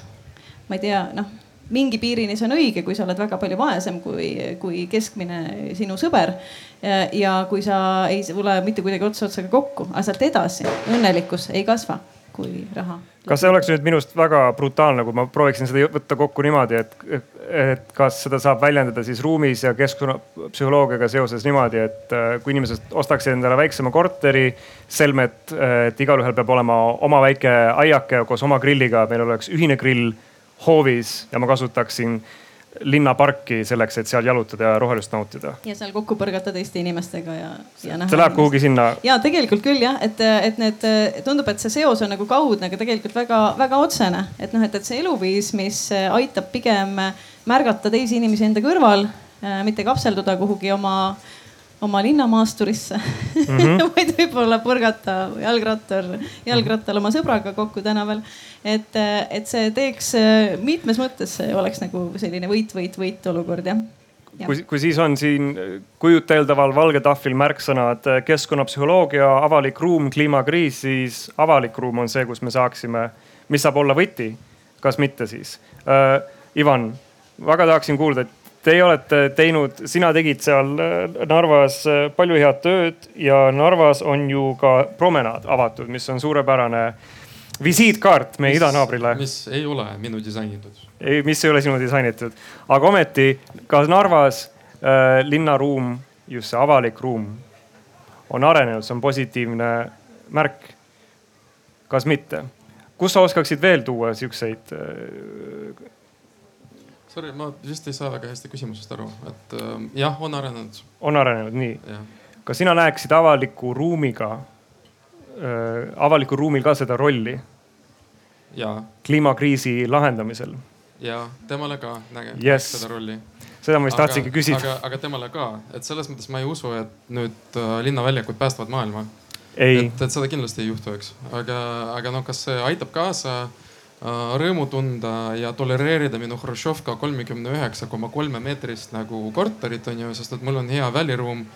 vot ei tea tegelikult, et ähm, ma ei tea, ma ei usu, et meil on piisavalt aega, aga ma lihtsalt hakkasin nagu mõtlema seda, et et äh, vaadake, et äh, tegelikult kogu maailma filmindus, kirjandus, kõik asjad räägivad inimdraamadest inimdraamad eelkõige seisnevad selles, et me ei leia connection'it nii et see, et me räägime, et nüüd õnnelik inimene, äh, õnnelik planeet ja nii on, võib-olla ma usun seda, aga kahjuliselt on selles, et tegelikult seda õnne ei ole väga lihtne leida. ja, ja tihti need connection'id, mis meil on, tegelikult ei ole noh täpselt samamoodi nagu rahaga, noh raha ei ole piisavalt kunagi on ju justkui mõnikord on äkki kellelgi aga, aga tegelikult nende inimlike connection idega on ta ka samamoodi, et me tegelikult ei ole, noh, me me liigume kogu aeg, me avastame uusi asju, nagu sellest ei piisa ja tollest ei piisa ja kogu aeg on mingi nagu tõmblemine käib, et. et selles mõttes ma arvan, et meil, et noh, kui me räägime õnnelikest inimestest ja õnnelikust planeedist, siis mina kujutan ette kohe mingi düstoopilist stsenaariumi, kus me võtame nagu pilli sisse, et õnnelikuna end tunda onju, ja siis meil ei ole midagi vaja. ja nii me jäämegi ellu ja eks sellest on ka filme tehtud. et ähm, kahjuks ma arvan jällegi, tulles tagasi selle vigade teema või paradigma juurde me oleme vigased, me oleme inimesed. ma ei usu, et me saadame, me saame kunagi ühiskonda ever, kus me oleme kõik õnnelikud. nii et äh, panna nii-öelda hullult steiki selle peale, et me nüüd nagu planeedi probleeme lahendame ära sellega, et me oleme kõik, et põhiasi on inimesi õnnelikeks saada. ma arvan, see on nagu noh et see on nagu fail nagu ette, et me peame leidma nagu teisi viise, me peame nagu kuidagi ratsionaalsemalt äkki, äkki see õnn on nagu tore ja oleks hea, kui seda oleks rohkem, onju, aga meil on tegelikult teisi asju, baasvajadusi, mis nagu noh, õnnega üldse kokku ei puutu, mis me peame nagu ka ju ja kindlustama ja, ja nii-öelda, et ühesõnaga ma, ma natukene selle õnne nagu paradigmas, paradigmat väga ei osta ma arvan, see on nagu nice, aga see ei ole tegelikult lahendus. ise vaata see taust oli see, et vaata keskkonnapsühholoogia ei tegele ruumiga, vaid ta tegeleb sellega, et kuidas inimene suhestub selle füüsilise keskkonnaga ja sellega, kuidas vähendada seda jalajälge, mis ei puudu üldse linnaruumi. onju, mis puutub sellest kesk-, noh, et sellest, et kuidas me nagu suudame hoida neid ressursse alles, et see on tegelikult nagu ruumivaba selline teema. mis puutub ja see õnne teema, see on nagu laiem, eks ähm, see, miks see alguse sai, oli see, et meil on kasvupõhine majandus ja kasvupõhist majandust õigustatakse sellega, et aga inimesed tahavad ju rohkem asju. aga samal ajal keegi vist ei vaidle, et inimesed tegelikult tahaksid olla õnnelikud ja tahaksid olla depressiooni ja ärevusvabad. onju, et igaüks, kes on kogenud, ütleb, et parem on ilma et, et see, see tuli nagu sealt, et see õnn ei tähenda tingimata, see õnn ei ole hedooniline õnn Aga selles kas... mõttes, aga see on pigem selline eudaimooniline õnn on ju, et, et. aga kas see on nii, sest et ma arvan, et tegelikult kasvupõhist majandust kindlustatakse või nagu seletatakse minu arust pigem mitte asjadega, vaid sellega, et kasvatada heaolu. ja ainukene viis kasvatada heaolu on saada rohkem makse ja suunata nagu seda rikkust ringi, onju. ja kui meil ei ole kasvavat rikkust, siis meil ei ole midagi suunata ja me oleme nagu tegelikult tagasi kolm tuhat aastat tagasi, onju agraarses äh, ühiskonnas, kus äh, oligi nii, et, et noh, nagu kui te olete Sapiensi lugenud, onju, et, et siis äh, pirukas oligi ainult nii suur ta ei kasvanud ja ainukene viis midagi juurde saada oli kellegi teisest ära võtta. praegu me oleme jõudnud natukene sinna majandusele või vähemalt see printsiip, mille järgi ta justkui peaks töötama, on see, et seda nii-öelda pirukat saab kasvatada ilma, et keegi nagu haiget saaks mis me kõik näeme, et tegelikult ei ole nii, onju. nii et noh, mind, ma ei tea. sa lähened nii oht-, sa ja sa lähed ohtlik, lähened ohtlikult minu lemmikteemale, mis on nagu alternatiivsed majandusmudelid, mis ei ole tegelikult selle lava teema. kuhu me võime hiljem jõuda. võime aga... minna, sest nagu sa ütled, et äh, meil on alternatiiv, kas kolm tuhat aastat tagasi või kasv, mis siis kuidagi äh, toidab õnne. noh, see tegelikult ju päris nii ei ole, et me teame, et meie heaolu sõltub sellest, et meil on sotsiaalne ehk ühiskondlik heaolu ja ökoloogiline heaolu ja SKP-s nad kumbki ei, ei kajastu tegelikult, nad ei kajastu seal ja me saame SKP-d tõsta, nii et me ohverdame neid teisi. ja kui me muudaksime seda arusaama, et mitte SKP ei ole õnnenäitaja, vaid midagi muud ja neid mudeleid maailmas on, siis me saaksime hoopis noh, et, et meil oleks hoopis teine mõõdik ja noh, et siin ongi nagu see küsimus, et kui me samast asjast räägiksime ühe perekonna kontekstis, et noh, et näiteks, et kas perekond saab õnnelikumaks, kui ta kulutab terve oma ressursi, mis tal on esimese kuupäeval ära? Ja siis või ta on õnnelikum, kui ta hoiab seda ressurssi kokku, sest lihtsalt ta ei saa, ta ei saa rohkem palka, tal ei ole rohkem raha midagi kulutada. et noh, et, et, et siis me saaksime aru, et tegelikult see kasvumajandus, mis täna äh, kulutab ressursse hästi irratsionaalselt, emotsionaalselt, ebamõistlikult, äh, ei, ei, ei loo õnnelikkust tegelikult. Või noh, siis vabandust, ta ei loo heaolu see, see teema väärib jätkamist, aga me peame siin naasema selle ruumi ja keskkonnapsühholoogia juurde, et, et, et kliimakriis, näete, kütab kirgi. ja ma annan, Ivan, sulle viimase repliigi ja siis. ei, mitte mulle tegelikult, Kadrinile. ah soo, nii ma tahtsin kommenteerida seda, et, et sellised väikesed vead on fine ja edasiviivad ja, ja uut loovad, aga, aga suured vead on ikkagi paras õnnetus ja, ja, ja neid saab ära hoida ainult hariduse andmisega ja nagu hariduse levi, levi, levimisega ja harituse levimisega inimeste hulgas, et, et ja, ja, ja see peaks olema võimalikult laiapõhjaline, mitmekülgne ja sisaldama muuhulgas ka, eks ole, seda keskkonna ja ruumi vaheliste seoste teadvustamist ja, ja ja teadlikku nagu noh, oma tegevuse siis ähm, noh suunamist, et, et, et need valikud, me elame ikkagi mingisuguses väärtussüsteemis äh, ja, ja, ja pikka aega ongi need materiaalsed äh, valikud olnud nagu olulisemad, aga äkki me nüüd oleme jõudnud mingisse faasi, kus tasuks korraks järgi mõelda ja, ja küsida, et, et, et noh, et mis väärtused on need, mis aitavad meil äh, ellu jääda, et, et võib-olla jah, me peaks oma isiklikku heaolu mingis mõttes natukene nagu koomale tõmbama selleks, et ja järeltulijad ka äh, saaksid äh, normaalselt elada.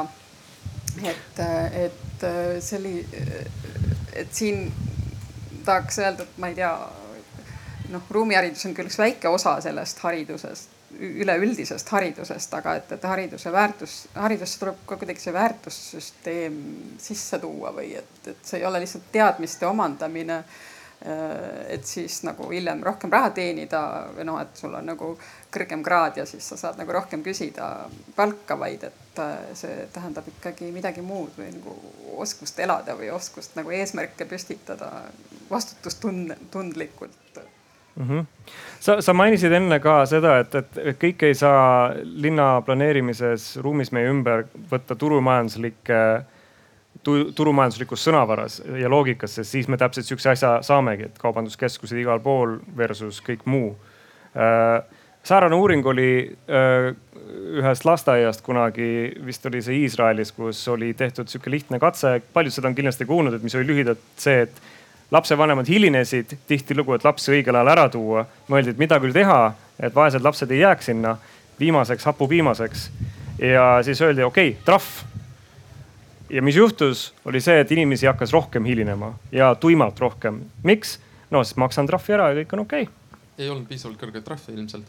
on üks järeldus kindlasti ja äkki oleks töötanud, aga siis äh, toodi see järeldus äh, vähemasti tolles raamatus, et äh, näete, kui me rakendame nii-öelda turumajanduslikku printsiipi, et noh, teed nii või siis maksad trahvi äh,. hakkamegi me kuidagi säärast loogikat pidi toimima versus siis, et kuidagi kindlasti raskemat ja tüütumat inimestele seletada, et kuulge, vaadake, teie laps, tal on kurb, te ei saa nii teha et kui me mõtleme, anname tähenduse, anname nimetuse mingitele asjadele, siis see kindlasti määrab seda, kuidas me siis talitame ja kuidas see keskkond, mida me loome, hakkab meid omakorda vastu looma. aga Katrin, sa mainisid ka haridust ja sul on arhitektuurikooli hariduse särk seljas.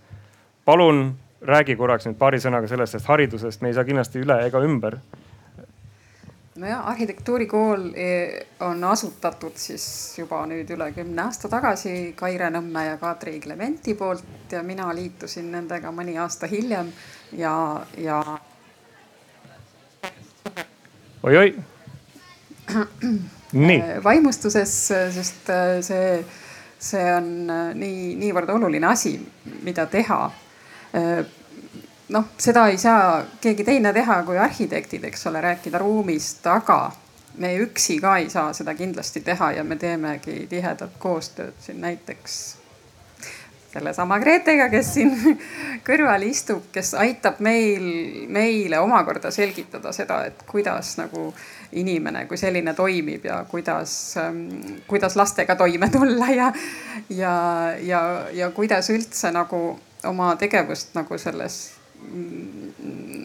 noh sfääris äh, mõtestada või ennast selgeks teha, sest arhitektuur on pikka aega olnud mingi selline väga elitaarne asi, mida teevad nagu väljaõppinud arhitektid kuskil oma peenetes kontorites, eks ole.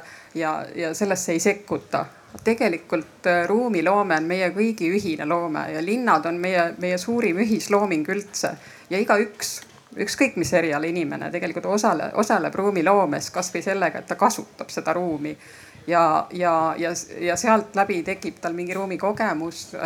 kui ta oskab seda ruumi märgata, teab rohkem selle ruumi kohta, ta hakkab seda väärtustama ta julgeb sellest kaasa rääkida, julgeb ettepanekuid teha, äkki teeb sellise ettepaneku, mis ruumi veel paremaks muudab ja, ja läbi selle meil noh, see, ma räägin siin natuke sellisest kodanikuühiskonnast, eks ole, kus igaüks tegelikult saab kaasa rääkida ja peaks kaasa rääkima.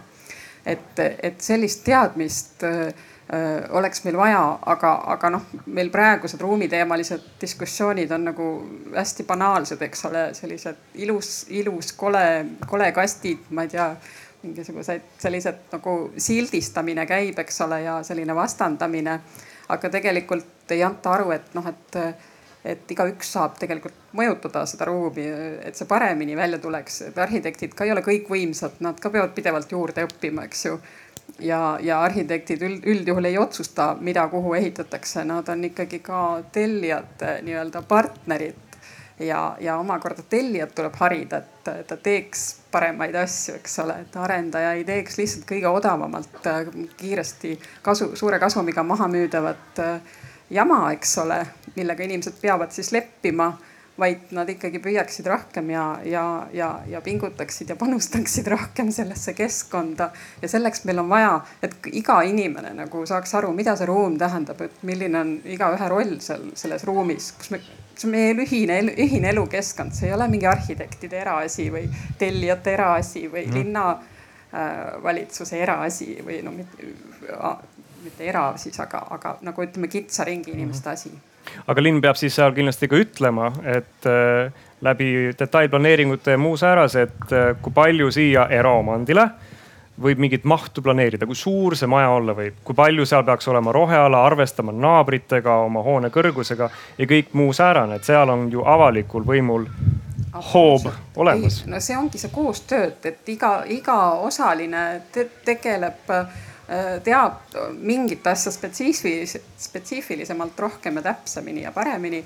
aga, aga meil peab olema ka ühine aruteluruum, et me saame rääkida sellest samast detailplaneeringust, nii et kõik mõistavad ja tegelikult äh, Tallinnas kogemused on, et Tallinn võtab aktiivselt sõna ja, ja mis meie piirkonda puudutab, siis ka vähendab kohustuslike parkimiskohtade arvu. fantastiliselt uskumatu ja haruldane asi. just ja, ja ka mõtleb kaasa selles, et kuidas nagu roheala edasi arendada, et tegelikult praegu me näeme, et on sellist kaasamõtlemist linna poolt ka tulemas peale et et, et aga ma olen täiesti nõus Katriniga, et, et see tellija tarkus peab seal kindlasti sees olema, tellija kindlasti peab kogu aeg ennast nagu edasi arendama, aru saama ja, ja mis on üks asi, on see, et kui tellija teeb valmis ja müüb maha selle mõnele eraisikule ja siis eraisik tegelikult on see omanik seal.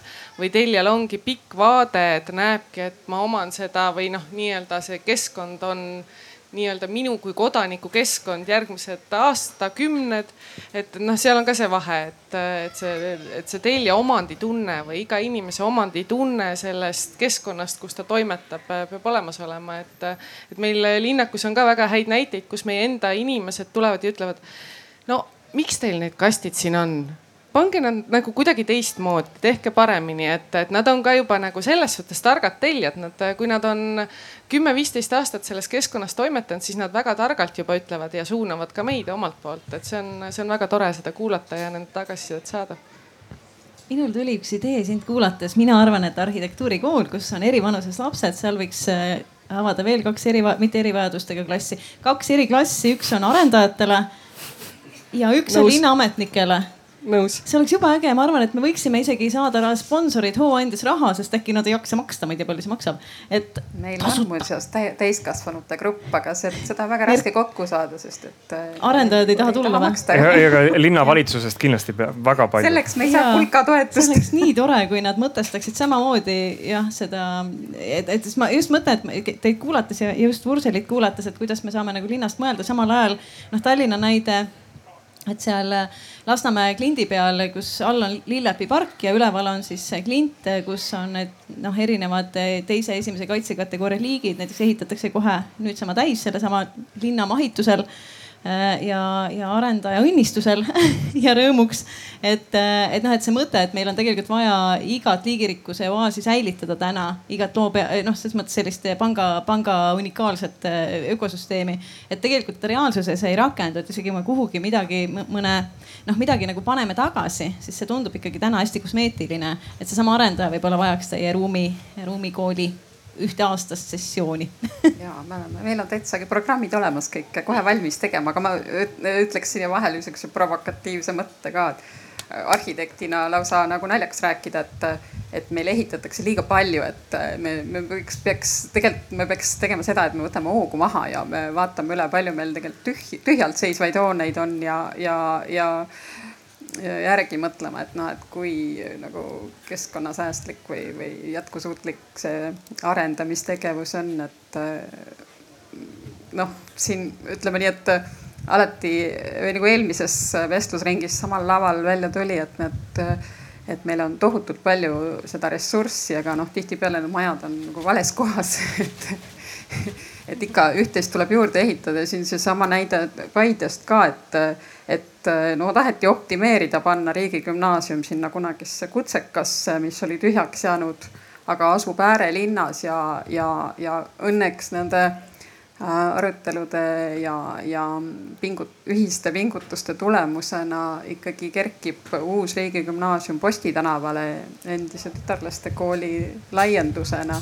et, et, et tuleb ikka mõnikord juurde ka ehitada, aga, aga targalt, targalt teha ja võimalikult palju olemasolevaid maju ikkagi kasu-, taaskasutusele võtta. ja keskus, kus keskus saab tihedam, et tihedam linn on, on ju hea. siis on rohkem inimesi puntras koos, külaelu, linnaelu just ja osa sellest tihedusest oleks siis ka see rohelus, et ka see rohelus ei ole mitte tühjus selle tihesus, vaid ääretult vajalik nendele inimestele.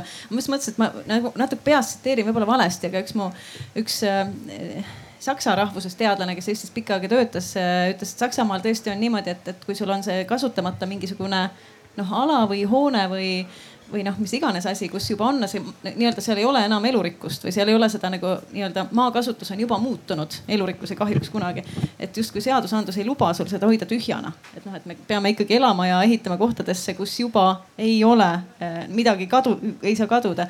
et Eestis seda mõtteviisi tegelikult ju ei ole, kuigi me vähemalt põllumajanduses juba hakkab liikumas, et me ei tohi ehitada oma kõige viljakamaid eh, põldi, põldusid täis aga et, et jah, et selline noh, taaskasutuse idee võiks jõuda ka linna või mm. -hmm. enne kui me hakkame otsi kokku tõmbama, kas on publikust mõni küsimus või kommentaar, palun tõstke käsi ja katsume paar tükki vahele võtta. ja palun öelge enda nimi ja, ja kommentaar kõva selge häälega. tere, mina olen Karen. mul on selline küsimus, ma olen ammu tahtnud äh, või tundnud huvi, et nendes äh, keskkonnapsühholoogia aruteludes me ei jõua kuidagimoodi sinna selle äh, väärtusliku ajaloolise keskkonna teemadeni, et me räägime tavaliselt looduskeskkonnast. aga mina isiklikult tajun, et minu jaoks on oluline see, et, et minu jaoks tuttavad objektid jäävad alles ja püsivad, et see loob minu jaoks sellist ka niisuguse vaimse turvalise tunde et, et just seesama siin Katrin tõi selle koolimaja näite, et see on selle kogukonna jaoks nii oluline maamärk, see koolimaja. Ja jumal tänatud tõesti, et see riigigümnaasium sinna läks, et see on sihuke objekt, mis seisis pikalt tühi. ja mulle tundubki, et, et kui need väärtuslikud ajaloolised hooned püsivad ajas, siis see on samamoodi psühholoogiliselt toetav. oo ma, kas ma tohin juba, vaata see on nagu see teema, mida ma pole lihtsalt julenud enamasti üles tõmmata, sest ma arvan, et mind peetakse siis eriliseks pehmoks. Et äh, ja loomulikult keskkonnapsühholoogia keskendub väga palju sellele, mis on tähendus. Ja minu juurde on viimasel ajal tulnud kaks noort meest, kelle lapsepõlvemaastikud lõhutakse ära. Äh, ja see on nii suur valu. Ja kui sa nagu kirjutad meediasse, et minu lapsepõlvemaastik äh, lõhutakse ära, tehke midagi, siis sa oled ikka noh, come on, ma olen Merko, ma teen, mis tahan. Et ja vaata see noh, vaata see ongi see, see on oluline, et mõiste vist noh, ütleme tuttavate maastike kadu, et see on isegi eraldi mõiste tek tekkinud solastal-. asja lisan, et mu jaoks see tuttavlik on ka just see, et vaata uusarhitektuuri puhul on alati see, et see on alati uus ja võõras. aga need vanad objektid, nad ongi meile juba kuidagi nagu sisse istutatud ja nad on meile tuttavad ja seesama loobki selle, et kui ma näen midagi sellist ka teises kohas see tekitab sellise hea tunde, et ma olen seda juba kuskil mujal näinud, ma olen harjunud selliste jah, et, et kui me saame rääkida, et looduskeskkond he on hea, sest ta on hea su ajule, siis see on juba natukene selline, et okei okay,, võiks nagu arvesse võtta. aga kui ma ütlen, et tegelikult see, et inimes, et, et tähenduslikkus, see on tähenduslikkus, see tuttavlikkus ka võõras kohas, ta on sulle tähenduslik, sest see nii-öelda äratab sinus mingisuguseid mälestusi või, või turvatunnet või mida iganes. see ongi väga oluline, et see ongi see, mida peaks alal, alal hoidma, kui praegu ja kõik saavad sellest aru, kui me praegu ütleksime, et äh, ehitame täis lauluväljaku, siis kõik oleks tagajalgadel, ei ole võimalik, onju, see on tähenduslik ruum, et me ei saa sinna teha arendust aga et, et, et see jõuaks nagu argumendina äh, kellelegi, kellegi otsustajani, vot sinna, mina ei tea, kuidas sinna jõuda, aga inimestele on see tähtis. Ja miks see on tähtis, on see, et jälle lühiperspektiivis saab arendaja oma nutsu kätte. pikas perspektiivis me saame hunnikute kaupa võõrandunud inimesi, kellel on savi sellest riigist ja sellest linnast ja kui on vaja valida, siis ta ei lähe selle eest, ma ei tea, võitlema, siis ta ei lähe seda kaitsma, siis teda enam ei huvita selle koha heaolu, ta võõrandub ära. Ja see ongi see probleem, miks me ei tohi tähendusega ruumi rikkuda. aga see on mingi üks väike inimene, kelle lapsepõlvemaastik rikutakse ära või kelle talust läheb äh, RB läbi. Ta ei ole meile tähtis, minule ta on tähtis, aga kuidas, kuidas näidata, et see on täpselt sama oluline sellise nagu noh, kuidas öelda, et hoida inimesed ruumi hoidmas ja ka seda riiki hoidmas või linna hoidmas, et selleks peab neid tähenduslikke ruumi hoid, hoidma. ma ei tea, kuidas sinna jõuda ma korraks lihtsalt äh, omalt poolt kommenteerin seda, et see vestlus praegu oli minu vaatenurgast väga Tallinna-põhine. on linnu Narva, kus ei ole ühtegi eluhoonet ehitatud viimaste kolmekümne aasta jooksul, eks. Et tegelikult mõnikord seesama nagu hoiame alles, et äh, no alustame sellest, et äh, Narvas ei olegi vana ajaloolist linna on ju, seal seda tehti, noh, talle tehti üks null neljakümne neljandal aastal, et.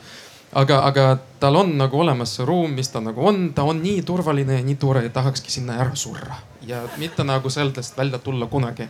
et tegelikult on väga oluline hoida balanssi uue ja vana vahel, et nahk on tegelikult uuenemas ju, mis ta, mis see reit oli, et kus nahk tervenisti uueneb? iga seitsme aasta tagant vist oli.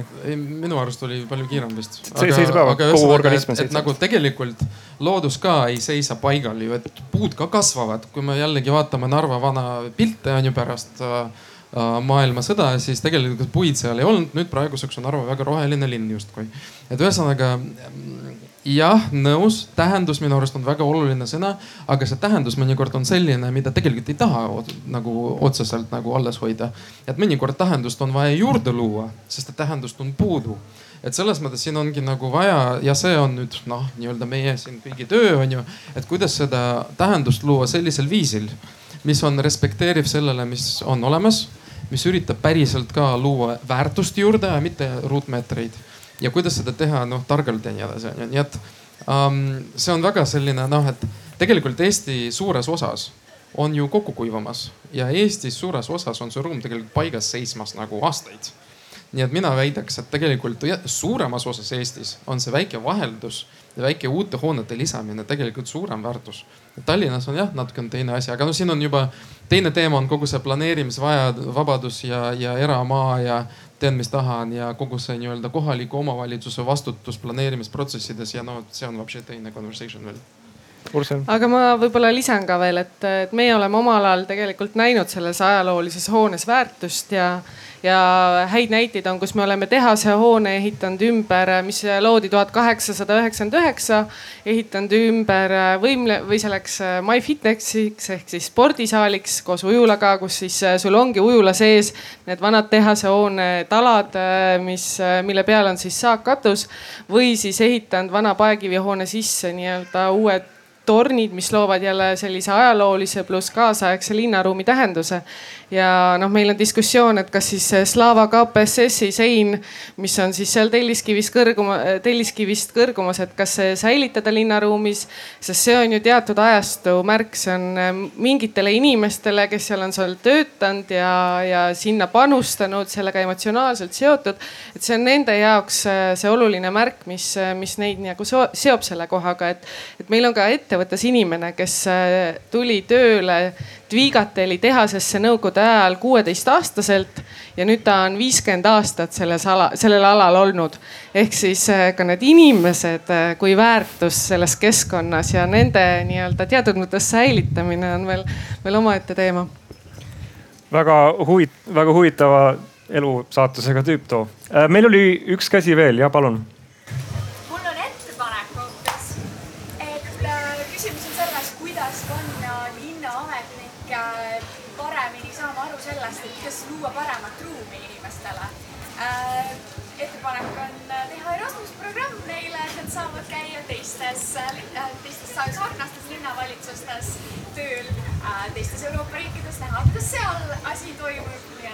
Tallinna omad saab näiteks minna Pariisi, vaadata, kuidas seal on või mingisugune Kapa-Kohila võib minna kuskile mõnda teise väiksesse külla ja tulla tagasi ja näha, kuule, seal tehti niimoodi, teeme ka.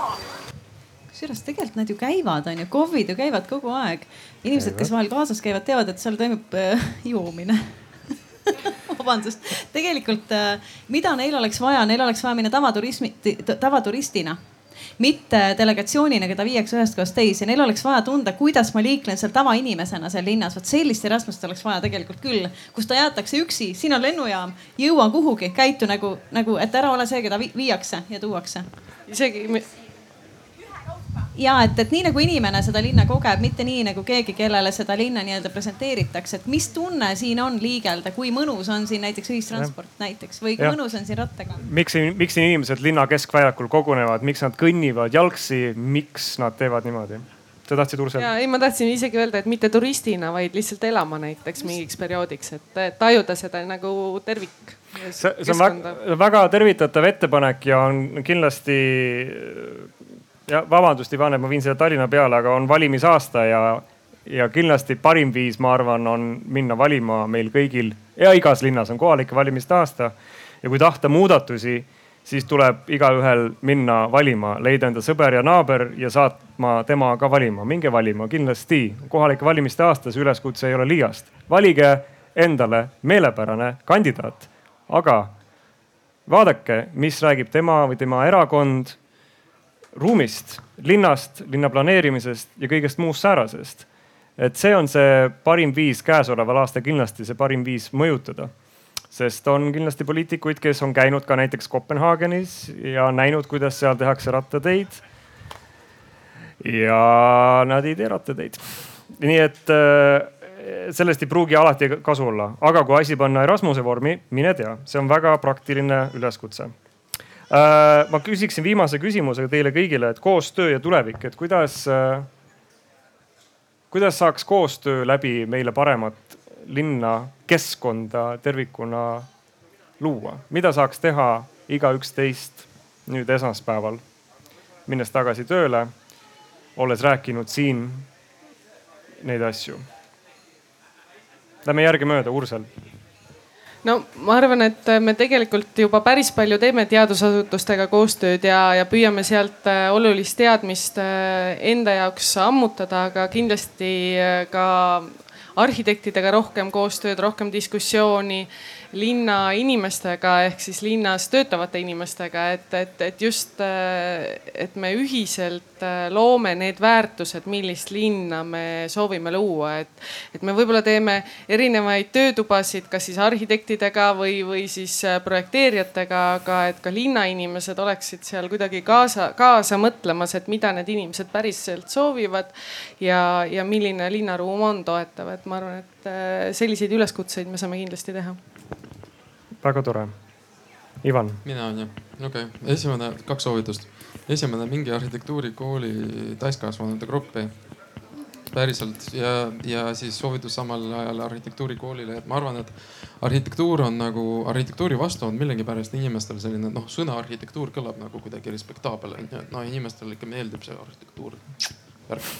et äh, mina olen kogenud Narvas sellest, et äh, kui teha näiteks arhitektuuriloenguid või ala midagi sellist täitsa avalikud arhitektuuriloengud, siis inimesed tulevad ja kuulevad ka aga lihtsalt sinna on vaja nagu siis teha mitte seda, et noh, see arhitekt lõi seda maja ja see arhitekt, aga noh, see kogu, kogu see nagu miks teema on ju rohkem sisse tuua, et äkki võiks midagi sellist mõelda, et nagu välkloengud vaata, aga välkloengud siiski nagu jäi selliseks nagu nišikaks. aga no ühesõnaga arhitektuurikool, see on üks.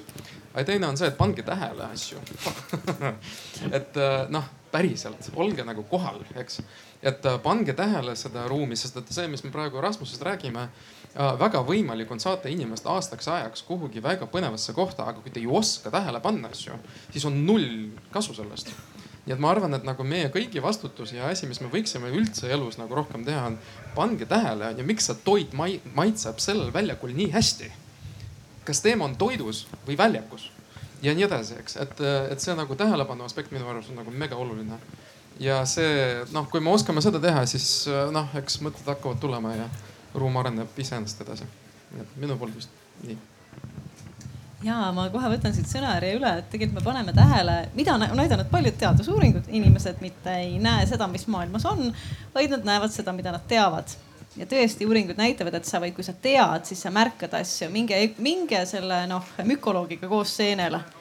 ta ei näe ühtegi seent ja temal on korv täis ja nii on äh, sellesama märkamisega ka, et tõesti sa võid aasta otsa elada ja sa tegelikult ei näe, kui sa, kui sa noh, kui su teadmised on napid. nii et minu panus on ikkagi selle noh, noh, ütleme, kuidas öelda, teadusliku kirjaoskuse tõstmine äkki noh, et, et kuna minu põhitöö või selline igapäevatöö on pigem selline nagu kaudne mõjutamine läbi selle, et toetada õpetajate arusaama sellest, kuidas neid samu häid äh, teaduse mõtestajaid tekitada, et noh, me tahaksime, et kõik inimesed võib-olla telliks ka oma, oma mm, töösse rohkem teaduslikku teadmist, ükskõik, kes ma olen linnaametnik, kes ma olen äh, arendaja, kes iganes, ma võiksin teadust arvesse võtta äkki.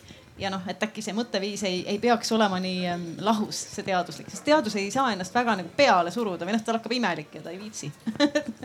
Et teda võiks tulla küsima. see vist on natuke isegi laiem teema, et küsi nõu on ju, et Ole, lepi sellega, et sa ei tea. Jah, just. Katrin.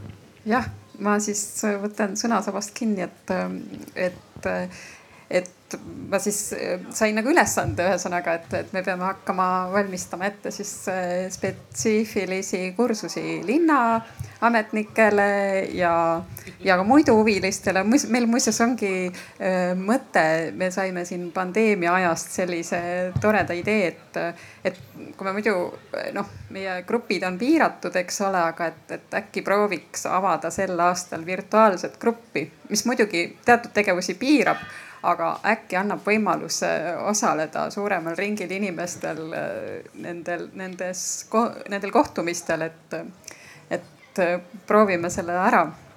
ja, ja muidugi meil on siis ka üks sihuke tore töövihik, raamat, õpik ettevalmistamisel, mida saavad siis nii õpetajad kui, kõik huvilised loodetavasti võimalikult Äh, varsti poest osta ja, ja, ja teha tutvust selle maailmaga, sest see on nagu väga äge ja põnev ja mänguline ja, ja kõigile jõukohane. et, äh, et need oleksid minu tegevused. väga tore me oleme rääkinud keskkonnapsühholoogiast, me tõmbame otsad kokku, oli väga tore näha ja kuulda, kuidas keskkonnapsühholoogia on miskit teaduslikku, kuidas me saame näha, et keskkond, arhitektuur, rohelus meid mõjutab meie ümber ja meie suhestume äh, sellega omakorda ja mõjutame tagasi ja kujundame seda keskkonda, seda linna, seda ruumi enda ümber edasi.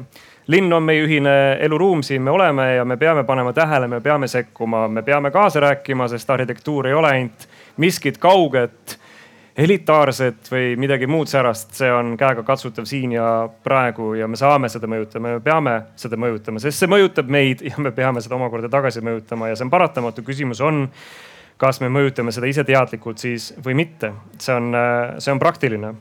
ja minge arhitektuurikooli. suur tänu ja kena pärastlõunat kõigile.